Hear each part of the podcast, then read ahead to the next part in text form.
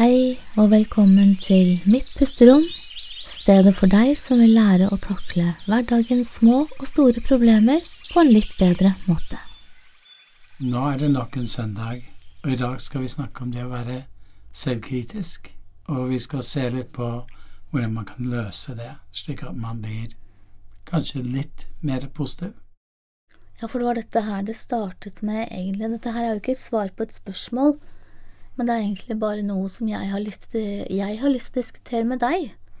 Fordi jeg har jo, som deg, veldig mange spennende klienter. Eh, og noen av de inspirerer meg mer enn andre, sånn er det jo bare. Og de jeg blir mest inspirert av, er gjerne de som er veldig intelligente, og som ikke har A4, for jeg er sånn som syns A4 er litt kjedelig. Men jeg har også sett at hvis man tenker veldig mye, og tenker med negativt fortegn, så blir man ikke spesielt lykkelig. Man blir ikke det. Og jeg hadde for mange år siden en dame som kom inn til meg, og hun eh, sa Sigurd, hypnotisere meg så min negative indre stemme slutter. Og jeg tenkte det går aldri, så tenkte jeg ok, jeg skal prøve, da. To måneder etterpå så kom hun tilbake og sa dette har vært de beste to måneder i hele mitt liv. Såpass? Så hun eh, hadde full klaff ved en hypnosebehandling for å dempe den indre negative stemmen. Men det hører vel litt til sjeldenheten at det bare holder med én hypnose, gjør det ikke det? Jeg vet ikke.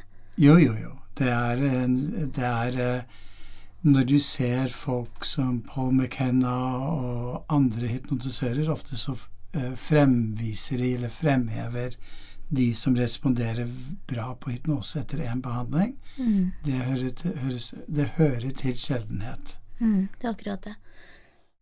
Jeg tenker det med, med selvkritikk, det er vel noe som jeg tror alle sammen er innom, i større eller mindre grad. Det er jeg enig i. Og jeg tror det egentlig er litt sunt at vi har en evne til å være kritisk til oss selv og vår egen atferd, hva vi har gjort, hva vi har sagt. Eh, Det ligger også en Men det er, det er to Hva er det som driver det? Det er, to, det er to ting som kan drive det. Enten så er det ønsket om å bli bedre, og utvikle deg og bli den beste versjonen du har lyst til å bli. Men du kan også være drevet av å ikke være bra nok. Og det er kanskje den siste der som er viktig å prate om i dag. Det å, å kunne overvinne den følelsen som oftest blir dannet i barndommen, at egentlig jeg er ikke en bra nok person. Jeg må fortjene å jeg, jeg må fortjene kjærlighet, rett og slett. Jeg må fortjene å bli sett og forstått. Og da havner man i en sånn utrolig indre stressløp. Og uansett hva du gjør, så blir det aldri bra nok. Og veldig oftest de menneskene der, sånn som jeg har erfart, da, de ender opp mer som perfeksjonister. De klarer ikke helt å se for seg at mye av det vi gjør, er egentlig en prosess. Det er kjempeviktig, det å tenke på prosessen.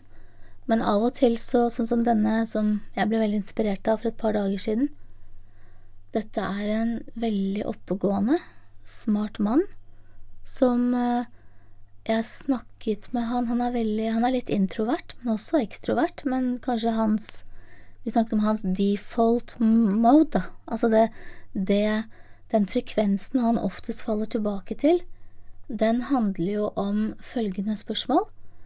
Hva er det som er galt med meg? Hvorfor passer jeg ikke inn? Hvorfor er jeg så annerledes enn alle andre? Hvorfor kan jeg ikke bare være som alle andre? Og så kommer det sånne tanker om hva har jeg gjort feil? Og det er da du får denne introspeksjonen, altså tanker om deg selv, om deg selv i hele prosessen. Det blir en veldig sånn navlebeskuende prosess. Og når du gjør den navlebeskuende prosessen med negativt fortegn, og du er smart, og du er kreativ, så er det helt utrolig mye rart man kan finne på. Det er så mye negativt som da kan komme ut av det. Jeg tenker meg at han spinner et slags eh, spindelvev hvor han sitter fullstendig fast etter hvert. Og det som er viktig å tenke på, hva gjør det med energien? Fordi han har da mange gode, spesifikke, konkrete spørsmål, men han har det med negativt fortegn, og han finner jo da så mange konkrete svar på dette her også. Og da, den lille energien han da har, den vil jo bare forsvinne rett ned, og så får han bekreftet det han allerede er sikker på er sant. Jeg er ikke bra nok, jeg passer ikke inn, jeg får ikke til det, det er ikke noe vei ut. Altså, løsningene fordufter som, eh, som vann i solen. Jeg ser for meg spørsmål som små frø, Ok? og når du sår de frøene, så høster du etter hvert resultatet eller svaren på de spørsmålene. Mm. Og når du sår eh, frø som er så destruktiv som de spørsmålene han stiller, så vil han da hele tiden havne i et liv hvor ja, han har lite energi, han eh, får ikke til det han ønsker, blir aldri fornøyd med noen ting. Og de gangene som han faktisk får til ting, og, og gjør det veldig bra, for dette er en smart, oppegående fyr som får til mye, men da er det sånn, det skulle bare mangle.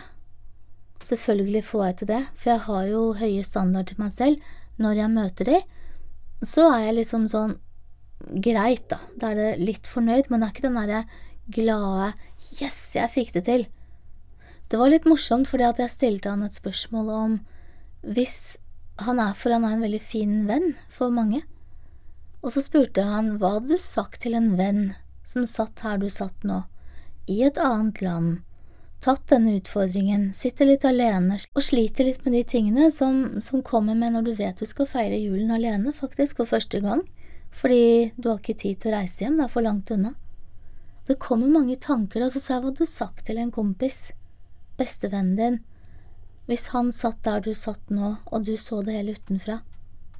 Og da hadde da, det var så herlig, for da sa han, men da hadde jeg jo klappet han på skulderen og sagt faen, så tøff du er.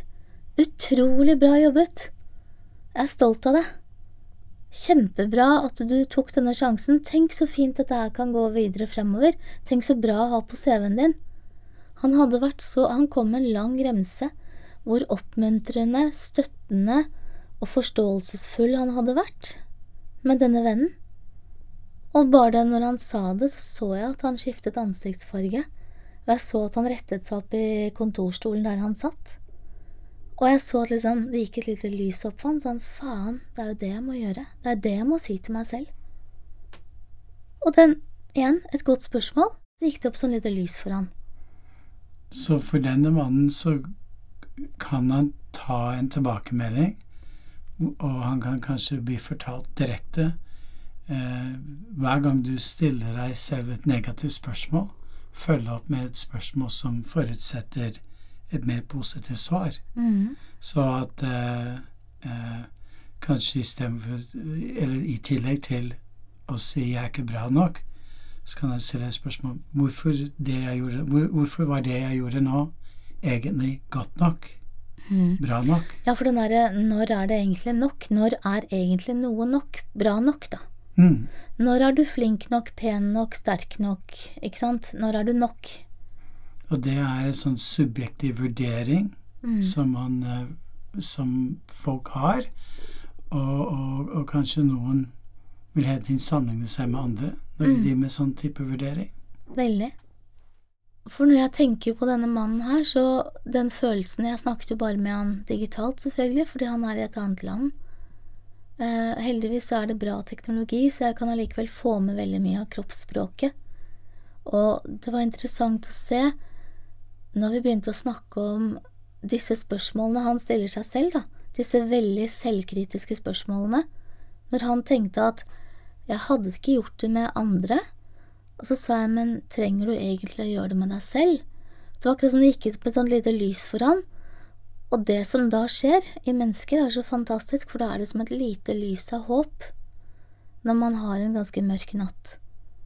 Og det å tenke at det er kanskje grunnen til at jeg føler meg litt deppa. Det er kanskje grunnen til at jeg ikke orker å gå ut og møte de vennene. Det er kanskje grunnen til at jeg ikke sjekker opp den dama.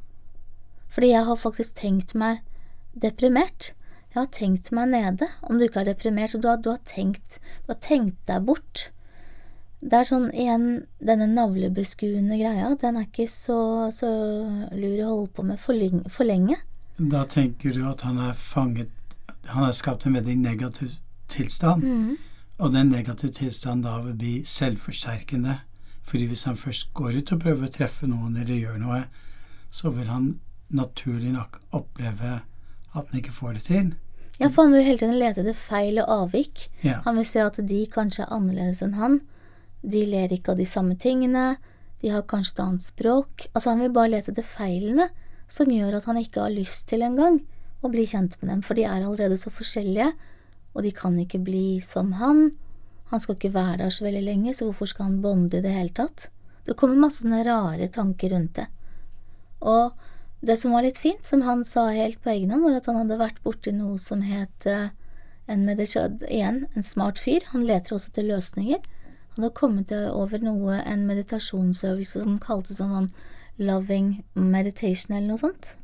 Jeg kan ikke mer om det enn det han fortalte, men jeg kjenner konseptet. Og det handlet om at istedenfor at vi skal tenke så himla mye på oss selv, hva med om vi slutter å se på vår egen navle og ser heller utover? Og når han sa det, da var det en meditasjon hvor man tenker på kjærligheten til andre, tenker på man, øh, hvem man er glad i, hvordan man kan bidra positivt. Og det, når du er i den vibrasjonen der, eller den energifeltet, kall det hva du vil, men den, det tankefeltet, så er det veldig lett å i en sånn rolig, god tilstand, så er det mye lettere å komme med de gode spørsmålene, som for eksempel, istedenfor å bare tenke på hvem han er, hvem vil jeg være? Og hvordan kan jeg gjøre en positiv forskjell her jeg er, hva kan jeg gjøre? Hvem kan jeg hjelpe, ikke minst? Hvem kan jeg oppmuntre, hvem kan jeg, ikke sant, stille opp for? Og hvordan, hvordan kan jeg bidra her jeg er? Hva kan jeg gjøre konkret for å gjøre situasjonen litt bedre? Og ikke minst, hva trenger jeg å gjøre akkurat her og nå for å få det litt bedre? Dette er veldig gode spørsmål som, som umiddelbart vil stoppe tankene fra å dra deg ned til å ta deg litt oppover. Og det var etter denne praten med denne mannen her, da, som jeg, da jeg gikk og la meg, så klarte jeg ikke helt å slutte å tenke på det. Det var fortsatt at hjernen min er litt kreativ innimellom, og når jeg legger meg ned, så tar den helt av noen ganger. Det er slitsomt. Så jeg har, jeg har funnet en fin måte å gjøre det på. Jeg bare tar, tar med telefonen i sengen, og så trykker jeg på record, så nå har jeg masse, masse sånne spennende recordings fra natten. Har ikke peiling på hva det er, men jeg tror det er bra. Det er spennende. Så det er litt gøy. Men en av de tingene jeg våknet opp i dag tidlig, da var det én følelse, den var basert på denne samtalen. Det var at less is more. Less is more. Fordi det denne mannen har gjort, i likhet med så mange andre, er at det, vi blir så overveldet av at det er så mye som skulle vært bedre, så mye som skulle vært annerledes, man skulle ønske man var på et annet sted. Det blir overveldende mye negativt å forholde seg til. Men så tenkte jeg igjen tilbake til disse små spørsmålene, gode, positive spørsmålene. Hva er en liten ting du kan gjøre nå for å få det litt bedre? Hva er en liten ting du kan gjøre for å få ned strømregningen? Hva er en bitte liten ting du kan gjøre for å få litt bedre med partneren din? En liten ting. Den må være så liten at det er fullt gjennomførbart umiddelbart. Veldig ofte endring starter med en liten ting. Du kommer du kom deg på treningsstudio fordi du tar på deg eh, joggesko. Eller setter deg i bilen og kjører dit eller går dit. Men på et eller annet tidspunkt du bare åpner opp en dør, dør og det har fokus på ikke på alt som skal skje, men bare fokus på det aller første steget. Mm. Det er sånn man kommer over den berømte dør, dør Det er sånn man kommer over den berømte dørterskelmila. Mm. Ikke tenk på det svære steget. Bare tenk jeg skal bare ta et lite, lite klatretur. Mm. En sånn bitte liten og bare igjen For det er jo sånn vi også endrer vaner. Ofte som nå har vi jo kommet til november måned, vi nærmer oss slutten av året. Og veldig mange setter jo litt for store, hårete mål, og det er ikke noe galt med å ha et hårete mål. Du må bare huske på at det er veldig mange steg før du kommer dit, og det er stegene du må fokusere på. Så for eksempel folk som kommer til meg som har kjempelyst til å få seg en kjæreste. Og det er det eneste de tenker på, de vil bare ha en kjæreste, for de føler seg ikke hele før de er to, og det kommer mange tanker mye, mye rundt det. Men eh, jeg tror for eksempel da for å få en kjæreste, så må du først være den beste utgaven du kan av deg selv. Er ikke det å sikte litt høyt, da? Det er heldigvis har vi et helt liv på oss, til å bli den beste utgaven. Men vi må hele tiden Jeg tror jeg aldri kommer i mål, men jeg prøver i hvert fall å være så god jeg kan, gitt den energien, gitt den kunnskapen, gitt den tiden jeg har, til å være en god utgave av meg selv. Og først når jeg er, har et godt forhold til meg selv, tror jeg at jeg kan få et godt forhold til andre. Fordi jeg tenker at å være den beste utgaven av meg selv Som du ikke, kan er, få til, som er mulig å få til. Ja, men som ikke nødvendigvis går på atferd, men mer, for meg går det mer på selvinnsikt. Mm. Å vite at jeg har mørke sider, jeg kan ta dumme avgjørelser. Å være litt ydmyk for den siden av meg selv som kanskje saboterer et godt uh, samvær, et godt samliv å være bevisst på at andre mennesker også har en skyggeside, så at man har respekt for de ubevisste krefter man har i seg selv, og ikke bare hele tiden jobber etter en slags egoillusjon. Og jeg er smart, og jeg er fantastisk, og jeg er pen, men faktisk å være såpass ærlig med seg selv, for da kan man være ærlig med partneren sin om sine ulike sider, og det er ekstremt vanskelig å få øye på det man helst ikke vil anerkjenne i seg selv. Men da er du tilbake til det spørsmålet som jeg stilte for noen, noen podkaster siden. Og det er jo et viktig spørsmål. Hvilke følelser er det du er uvillig til å kjenne på? Mm, mm. For det er gjerne det som gjør at vi stikker av. Det er derfor vi ikke får den selvinnsikten. Og jeg er helt enig med det du sier når jeg snakker om den beste utgaven av deg selv. Jeg tenker nok Jeg syns selvfølgelig selvinnsikt og å være venn med følelsene sine, uansett hva slags følelser det er, kjempeviktig. Men jeg tenker også kanskje mer atferd enn det du gjør, tror jeg. Ikke nødvendigvis. Jeg mener, hvordan skal vi definere atferd? Men ja. jeg, Men kan jeg si hva jeg tenker der? Mm. For jeg tror at vi, i hvert fall mitt mål, da, er å prøve å gjøre noe bedre hver eneste dag. Et eller annet skal være bedre hver dag. Og det er ikke fordi at Og det høres kanskje mye ut, men det kan være småting. Det kan være en handling. Det kan være La oss si at jeg kommer hjem fra jobben, og så er jeg sliten. Og så ser jeg på skrittelleren min at jeg har liksom bare tatt 3500 skritt i dag. Og jeg er kjempesliten. Men da tenker jeg at ikke, i går så tok jeg 4500. Da klarer jeg i hvert fall det i dag også. Da drar jeg på litt flere skritt. For jeg vil prøve å ha litt flere skritt inne, selv om jeg har hjemmekontor eller et eller annet sånt, så vil jeg prøve, for jeg vet det er viktig få beveget seg litt. Så da sammenligner jeg meg med meg selv og prøver å få til litt, sånn at det i hvert fall ikke går feil vei. Det kan også være at man lytter bare innover og bare kjenner i dag er jeg kjempesliten. I dag må jeg bare ta vare på meg selv, og hvordan kan jeg ta vare på meg selv, hvordan kan jeg være snill med meg selv?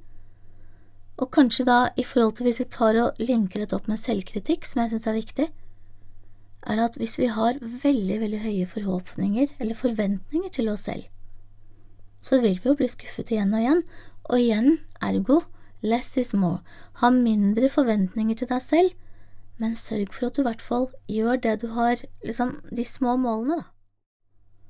Sånn som da, jeg skal i hvert fall aldri gå under 4000 skritt om dagen, selv om jeg har hjemmekontor og jobber hele tiden.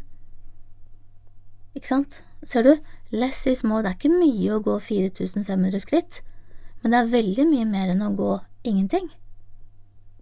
Det er ikke mye å uh, la, la, oss si at du er kjempesulten, og så ser du åh, lager du deg masse mat, og så spiser du en porsjon, og så syns du åh, det var deilig, og når det står igjen sikkert en porsjon til, kan du la være å spise den opp, eller blir det kveldsmat klokka ti eller elleve? Less is more. Less is more. Og igjen, hvis vi går tilbake til det, det å være selvkritisk Man kunne tenke at man blir veldig selvkritisk når man kjenner sine egne svakheter, eh, og man er, er, har innsikt i at man kan gjøre dumme ting, og man kan ha dumme tanker og sånne type ting. Men når du har jobbet med meditasjon, så lærer du å møte de den skyggesiden av deg selv med en aksept. Og veldig oftest det du har fokus på, det er det du får mer av. Så når du møter deg selv med aksept, da legger du den ballen død, og da har du mulighet til å utvikle deg selv gjennom f.eks. less is more. Så, så det å, å eh, kanskje bare stå i seg selv, være til stede eh, så, så, jeg ser vi definerer det å være sin beste versjon på litt forskjellige måter. Mm. Du ønsker å måle deg opp mot konkret atferdsendring, mens jeg går mer på Nei, vi har begge deler. Ja, ja. Jeg vil ha både inni og utenpå. Det er en ting jeg alltid har sagt, det er at ord uten handling er ingenting verdt.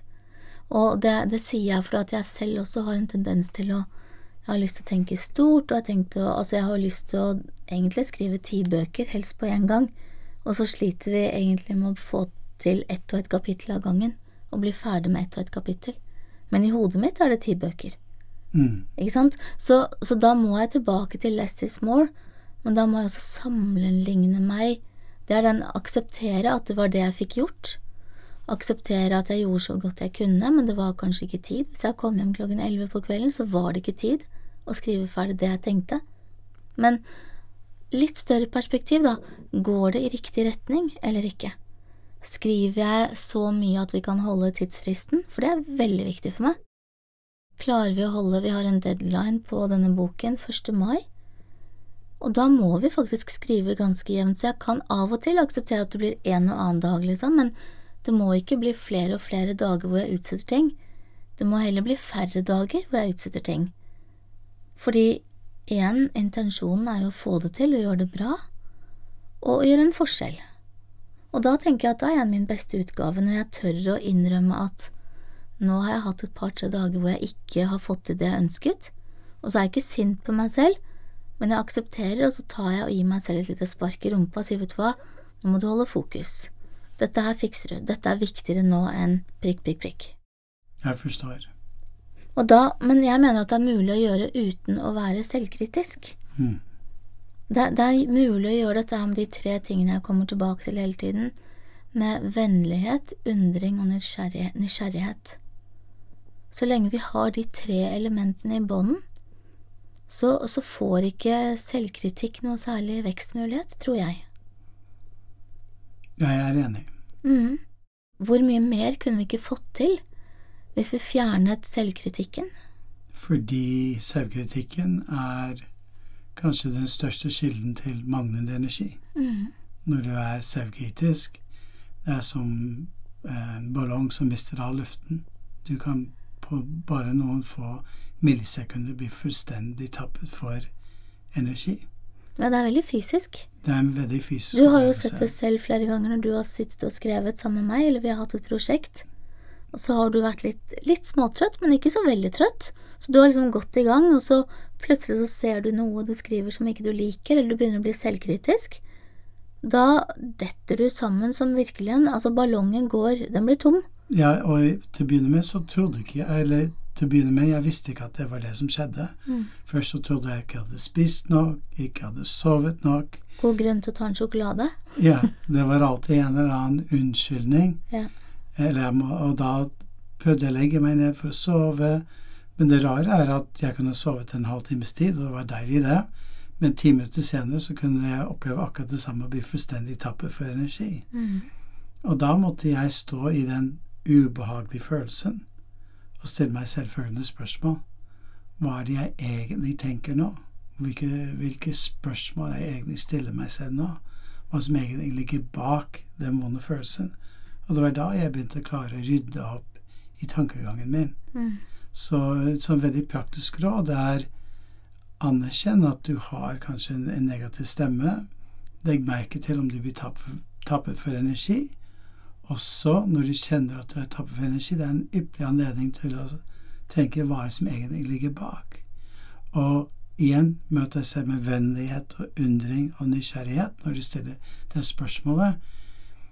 Og ikke prøv å svare på spørsmålene. La svarene komme til deg. Og det er jo kjempeviktig fordi Den siste er så viktig. Mm. For det er liksom Det blir nesten som en sånn liten kattunge som skal løpe etter halen sin og prøve å fange den.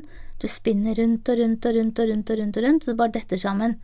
Når kattungen legger seg ned, så legger halen seg ned, og så kan den plutselig ta tak i den. Ja. det er ganske morsomt å se. Det er, det er det vi må gjøre. Vi må slutte å spinne rundt i sirkel og prøve å få til ting, og jeg må finne svar på det, jeg må ha en løsning, jeg må gjøre det. Eller samme som hvis du leter etter bilnøklene dine. Så kan man liksom hisse seg opp, da, og bli sånn å herregud, liksom, igjen, altså, jeg har ikke hengt de opp, jeg burde ha gjort det, jeg, i 30 år har kjørt bil og har ennå ikke klart å åh, hvorfor gjør jeg dette, ikke sant? Den der kritiske stemmen, så gjør at stresshormonene bare skyter i været, og du klarer ikke å tenke, du kan gå forbi nøklene hundre ganger, men hvis man da istedenfor, når man har mistet nøklene, og du må på jobben, du må reise senest om fem minutter, så er det aller beste du kan gjøre, å bare sette deg ned, puste, lukke øynene, og så gå tilbake. Når så jeg nøklene sist? Hvor var jeg da? Ok, nøklene og bilnøklene henger sammen. Det betyr at jeg må ha låst meg inn i går da jeg kom. Hva var det jeg hadde på meg da jeg kom i går? Å ja, det stemmer det, ikke sant, jeg hadde jo vært på julebord, og så hadde jeg den dressbuksen på meg, og den Og så kjørte jeg jo ikke bilen, jeg tok ikke drosje hjem, så bilen står kanskje ikke her i det hele tatt. Plutselig så husker man det. Det er en sann historie. Det var en pasient av meg som lette etter bilnøkkelen, og så hadde han satt den igjen ved baren. ok, ja, ja. Så igjen, han husket ikke faktisk det før han satte seg ned og tenkte at liksom, jeg var jo på julebord.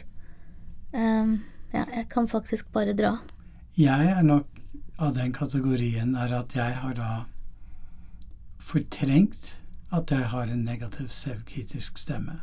Så jeg alltid har gått rundt og trodd, og jeg er så positiv, mm. og jeg får til det og det. Og jeg er en person som får til det meste av det jeg bestemmer meg for. Det kan godt hende at jeg utsetter ting, eller det tar lengre tid enn jeg hadde forventet, men jeg er heldig sånn at, at jeg havner i mål med de fleste tingene. Men for meg så er det viktig av og til å kunne tenke hva betyr det å være frustrert? Hva betyr det å For jeg var en av de som før sleit jeg alltid med å finne bilnøklene. Og da tenkte jeg da kanskje jeg skal bruke den frustrasjonen og sinnet på en god måte. Så jeg kjente på den sinne frustrasjonen, og så gikk jeg inn og ut av døra ti ganger og hang fra meg nøklene der de skulle være. Og jeg sa til meg, Sigurd, sa til meg selv Sigurd, fra nå av så skal du henge fra deg nøkkelen når du kommer inn i døra. Eh, og så for meg så ble det veldig mye mer fokus på løsning. Det var ikke bare å eh, selvbebreide meg selv og si noe negativt, men i den frustrasjonen og den sinne, det var det som fikk meg til å ta et oppgjør med en veldig dårlig uvane jeg hadde, og det var bare å komme inn og slenge fra meg det første og beste stedet jeg fant, da. Og dette her, det du beskriver nå, handler jo om at du kom til, et, et til, en tilstand i deg selv som er litt sånn nok er nok. Nå har jeg ødelagt eh, nok morgener med å løpe rundt, og, eller kanskje komme for sent på jobben, eller bare stresse. Så det å starte morgenen med å løpe rundt og ikke finne nøklene, ikke spesielt hyggelig for noen. Får litt sånn skjev start. Og så kanskje man til og med kjører litt fort, og så kanskje man nesten får nestenulykke. Eh, man kan eh, komme litt sånn eh, på jobben og være litt ufokusert istedenfor å henge opp nøklene. Sett deg i bilen i tide. Kom forberedt på jobben, hør på en podkast mens du kjører til jobben. Altså, bruk tiden litt godt, da. Så det igjen, å planlegge. Eh, men, men det å ta en endring, Sigurd, det handler jo gjerne om at Enten så må vi ha en gulrot som har så lyst på den gulroten, altså belønningen er så stor, eller ubehaget og smerten må være så stor, som du opplevde at det her orker jeg ikke mer, jeg orker ikke å starte dagen på denne måten. Hvis noen hadde sagt deg at du får en million kroner hvis du henger opp nøklene i en måned fremover, så hadde du også klart det. Det er jeg enig i. Det som er forskjellen mellom å være selvkritisk og nok er nok, handler om at når du er selvkritisk, du, du følger ikke opp med en reell atferdsendring. Mm. Du bare bebreider deg selv, bebreider deg selv, og kommer med de sånn negativt selvbekreftende loop. Men når du sier 'fy fader, nå er dette nok', og så øver du inn helt konkret hva du skal gjøre istedenfor. Men det hørte du hvor smart du sa var nå? Nei. Nå er dette nok. Du sier ikke at nå er jeg fedd opp med meg selv, mm. men handlingen min For at når du sier nok er nok, så er det ofte handlingen vi fokuserer på. Nå er jeg kanskje Nå er, nå er jeg lei av å lete etter nøklene, nå er jeg lei av å uh, ha et forhold til uh, barna mine som er dårlig. Jeg er lei av dette, det er et eller annet der ute jeg er lei av. Og når du sier nok er nok, så ligger det også et håp om at jeg tror jeg kan endre det. Enig. Mens du sier selvkritikken er at jeg er håpløs, jeg er en rotekopp, jeg er håpløs til å kommunisere, jeg er ikke bra nok. Ikke sant? Den derre internaliseringen av kritikken. At det er meg det er noe galt med. Og da setter man seg selv i en slags offerrolle nå. Mm. Og den er jo Ikke kledelig. ikke i det hele tatt. Men det er også dette her, det, det er en ting jeg har sett, jeg vet ikke om du har tenkt det samme, men mange mennesker som er mer introverte, de har lettere for å tenke mer på seg selv og ta mer ansvar, liksom, men det blir for tungt. De, de tenker seg bare sånn nedover og innover, og til slutt så bare så er de så opptatt av den sekken som de selv har fylt opp med negative tanker om seg selv, at de tror de er sekken, de tror de bare er disse vonde tankene. Jeg ja, ja. det skjer ikke like mye på de som er ekstroverte, fordi hvis du har en som er ekstrovert, altså utadvendt, så vil mer, de være mer opptatt av å for eksempel fortelle om sine seire. De vil være mye mer utadvendte og klage høyt når de er forbannet eller sure. Altså, de vil slippe ut litt mer følelser. Jeg vet ikke om du har tenkt på det samme, men introverte kan ha en tendens til å tenke litt for mye når de sitter alene.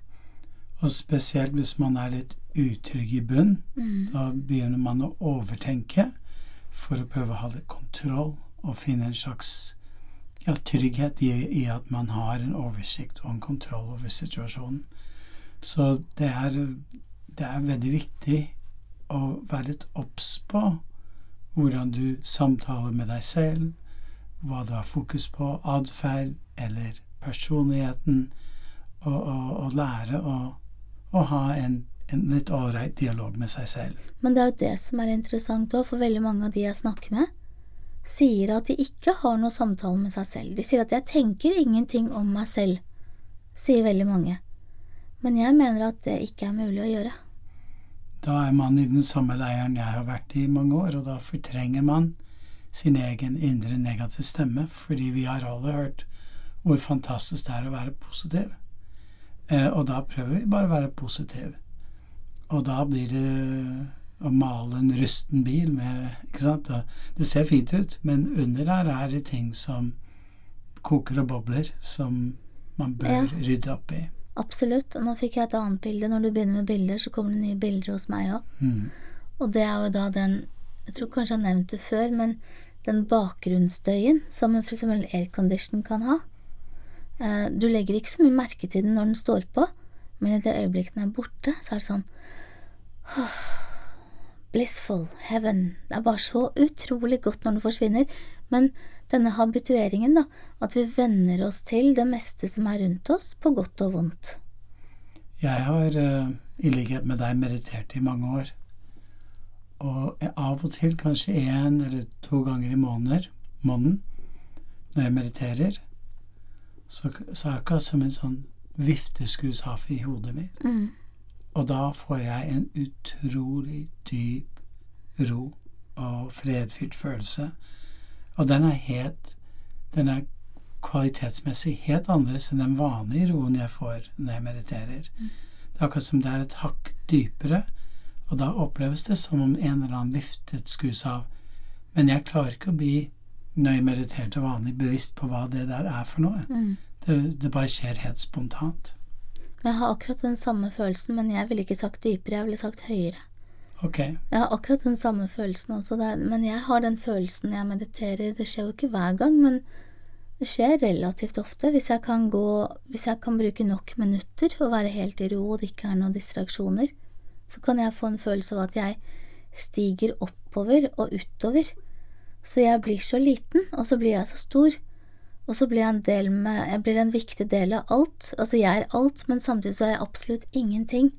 Det er helt umulig å beskrive den følelsen, men jeg skjønner hva du mener, og da er det bare helt stille. Det er egentlig hva som helst kan skje. Og så er jeg um, untouchable, altså det er en veldig, veldig god følelse. Det tror jeg, jeg vet ikke helt fra et nevro, nevrofysiologisk perspektiv hva som skjer, men at det er et veldig godt sted å være, er det ikke tvil om, og der finnes det ikke kritikk. For meg så er det et sånt der kjærlighetsfullt metaperspektiv, liksom, hvor jeg er en del av en større, kanskje kjærlighet. Men dette her blir å prøve å sette ord på noe som er så fint at det bare, høres bare feil ut. Så for å forenkle litt for de av dere som kanskje har lyst til å ta opp meditasjon, og kanskje bli litt snillere med seg selv, møte seg, møte seg selv med mer vennlighet, nysgjerrighet, litt mer åpenhet, så kan det kanskje være lurt å meditere med kjærlighet, sånn som vi snakket om i stad. Mm. Og det, det er måten jeg gjør det på, at jeg eh, liker å tenke på hjertesjaka som sitter i brystet, og så, og så tenker jeg på mennesker jeg er glad i, og så bare forestiller jeg at jeg er en sender og jeg stråler ut kjærlighet til de menneskene jeg ser for meg. Og jeg prøver å kjenne det fysisk på kroppen, at jeg stråler ut den energien. Og jeg er ikke så opptatt av å ta imot, jeg er opptatt av å gi det bort, gi det bort, gi det bort. Og det er en veldig kraftfull type meditasjon, så i, i hvert fall for meg har det vært det, som, som virkelig gjør at jeg kan forankre meg selv og mitt liv i en dyp, dyp medmenneskelig kjærlighet. Og det er en veldig fin, eh, veldig, veldig fin meditasjon det du beskriver. Og jeg tenker at når vi mediterer Nå prøver jeg å komme litt på løsningen her i forhold til min selvkritikk og gjøre det enkelt. Det du beskriver nå, er så enkelt at hvem som helst kan gjøre det. Når som helst, egentlig. Det krever bare at du setter deg ned, at du har det rolig og stille, og at du forhåpentligvis har en eller flere som du er glad i, som du tenker på, samtidig som du kjenner hjertesakra ditt. Av og til syns jeg det er godt å legge en hånd på hjertet samtidig. Mm. Jeg bruker å legge en hånd på hjertet, og så en hånd på magen, og så sørger jeg for at magen er den som beveger seg når jeg puster. Så for da, da har jeg både fokus på pusten og på kjærligheten, så det er sånn jeg gjør den også. Og det som er fint med det, er at dette her kan skape en sånn Istedenfor å ha den bakgrunnsstøyen da, som er negativ, som kanskje ikke er noe du er bevisst hele tiden med at det, jeg er ikke bra nok, jeg passer ikke inn, jeg tror ikke dette her går bra, det er ikke noe vits å prøve, det går jo ikke allikevel. Det er akkurat som sånn en aircondition som sitter og hvisker sånne ting til deg hele tiden. Klart du blir påvirket av det. For det er som et filter. Men det er så lavt at vi har vennet oss til det. Og da det motsatte her er å Hva hvis du så verden gjennom det kjærlighetsfylte bildet som du ga nå? For at når du sitter og sender ut kjærlighet, da, så ligger det et premiss i bånden at jeg er full av kjærlighet. Absolutt. Jeg har overskudd av kjærlighet, jeg har lyst til å gi, jeg har noe å gi. Og da sier du faktisk også indirekte, uten å si det, jeg er verdifull. Enig. Og det å ha det bakteppet, jeg er verdifull, når du ser på verden, da vil spørsmålene være hvordan kan jeg bidra? Hvordan kan jeg skape mening? Hvordan kan jeg gi kjærlighet? Hvordan kan jeg på en måte være et positivt tilskudd til denne verden? Og da blir det plutselig Hva skjer med kritikken og selvkritikken da? Borte. Ikke bare selvkritikk innover, men også kanskje den kritikken til andre, fordi at vi klarer å se det med så vennlige øyne at, at eh, du kan tenke deg som solen smelter vekk isklumpen. Den fordamper. Mange mennesker nå i dag er fanget i sosiale medier. Eh, kanskje fanget i å sitte for lenge på telefonen og drive med et eller annet spill. Veldig mange er der. Og, eller pornografi, mm. eller hva det måtte være. Man blir fanget av disse tingene. Og det er en sånn Det er fordi hjernen er jo skrudd sammen til å respondere på visuelle inntrykk. Og det skjer veldig mye sånn dopamin som blir en sånn veldig selvforsterkende opplevelse. En måte jeg liker å tenke på for å frigjøre meg fra hele det løpet, er å tenke dette er bare energi. Så når jeg tar et skritt tilbake, og hvis jeg tenker at jeg er veldig frustrert på noe, så kan jeg tenke men dette er bare energi. Og så kan jeg prøve å kjenne hvor i kroppen min sitter den energien, kanskje nede i magen. Og da kan jeg kjenne på energien og løsrive meg litt fra den negative tanken, så når jeg kan ta den energien og flytte den opp til hjertet Mm. og omforme den til kjærlighet. Hva hvis det er en vond følelse da, i magen? Hva gjør du da? Det er det samme jeg tar for i følelsen og energiopplevelsen er to forskjellige ting. Selvfølgelig følelser er også et slags språk som forteller meg om kanskje noen har overgått en grense, eller at jeg ikke leverer og har skuffet noen. Og det er i seg selv en helt ny podkast som vi ikke trenger å gå inn på akkurat nå. Men det å være obs på at dette er energi. Mm. Og hvis jeg tar den energien og forholder meg til energien istedenfor smerten, istedenfor de negative tankene, og tenker den kan jeg bare flytte oppover gjennom chakra, chakraene. Mm. Og det, når jeg sier chakraene, jeg mener ikke nødvendigvis en metafysisk tro på, kanskje det er det òg, men det er mer en slags verktøy som jeg henger min opplevelse på, slik at jeg kan beskrive det lettere for andre. Mm. Så jeg kan ta en energi som kanskje starter i magen eller nede i rotchakra, og så kan jeg bare gjøre det om til en energi istedenfor en seksuell drift, eller istedenfor å være en sånn hevngjerrig tanke, eller hva det måtte være. Når jeg kommer i kontakt med den energien, så kan jeg flytte energien opp til f.eks. kjærligheten, og stråle den ut. Og det, som du sier, da skjer alle de positive bieffektene som du nevnte i stad. Og det som er så fint med dette her, er jo at ofte hvis vi får mange tanker og repeterende tanker, og føler oss litt stuck, så kan i hvert fall mange oppleve litt angst og uro. Hvis du bruker da denne veldig enkle øvelsen som du sa nå, at du kjenner at du anerkjenner at det er en, en energi der, la oss si magen eller rotsjakra, som er ubehagelig, eller det er en vond følelse.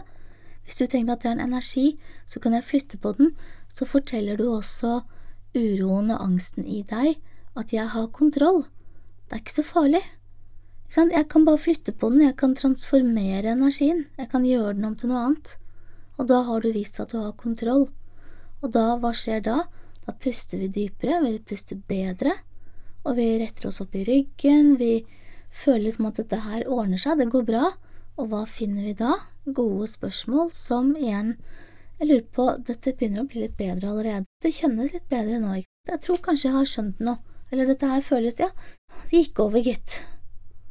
Og da en annet spørsmål som jeg har lyst til å bare legge til, nå ser vi jeg har snakket lenge her, men, men legge til kanskje et spørsmål om fordi om du tenker det, fordi om du føler det, og kanskje til og med også altså, kjenner det veldig fysisk i kroppen, er det nødvendigvis sant?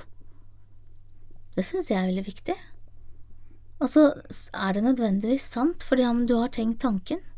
La oss si at du har laget en lang katastrofetanke i hodet ditt. Er det sant? Det er sant at du har tenkt det. Det er sant at du tror at det er sant. Men er det sant fordi om du tror det er sant?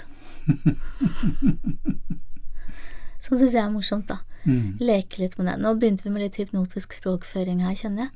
Jeg begynner å gå i en dyp transe allerede nå. Ikke sant? Så kanskje vi skal bare begynne å avslutte sakte og sikkert og si noe om at du trenger ikke å være selvkritisk hvis du istedenfor velger undrende, nysgjerrig og vennlige spørsmål. Hvis du prøver ut noen av de eh, tingene som Sigurd snakket om, med for eksempel, som du sa, med meditasjon og sende energi og kjærlighet ut fra deg. Hvis du er litt obs på hvilke spørsmål du stiller deg selv, kommer det noe godt ut av de spørsmålene? Får du energi av det? Blir du glad av det? Og hvis du, hvis du oppdager at det spørsmålet du stiller deg selv, hvis du ikke ville stilt det til bestevennen din, kanskje du ikke skal stille det til eh, personen i speilet heller. Og vi må også huske på det Rita sa om å prøve å være en litt bedre utgave av seg selv Mm. hver dag. Så at du har en, en indre standard du følger. Så gjør noe bedre hver dag. For eksempel akkurat nå, hva kan du gjøre for å få det bitte litt bedre? Kanskje du kan, jeg vet ikke, flytte på stillingen din, kanskje du kan sørge for å drikke litt mer vann hvis du ikke har gjort det ennå, kanskje du kan velge et sunt middagsalternativ, kanskje du kan gå hjem og klemme på noen som ikke har fått det på lenge, kanskje du kan bare smile til en fremmed. Kanskje du kan dele denne podkasten med en annen? Det kan hende. da blir vi glad, for vi mener jo da virkelig at det vi har å komme med, vi prøver å gjøre det så praktisk som mulig Vi får veldig mye god tilbakemelding på det. Det gjør vi. Og nok, nok en gang så sier vi takk til dere som hører på, og tusen takk for de spørsmålene. Vi har flere spørsmål linet opp som vi skal ta for oss eh, neste gang, så det kommer mere. Og hvis du som hører på har et konkret spørsmål, eller et problem, eller bare noe du har lyst til at vi skal snakke om helt anonymt, så send oss en SMS eller en langt, gjerne en lang mail. Vi er glad i problemer, det har vi sagt mange ganger, fordi vi liker å løse dem. Takk for oss, og ha en ordentlig fin dag videre.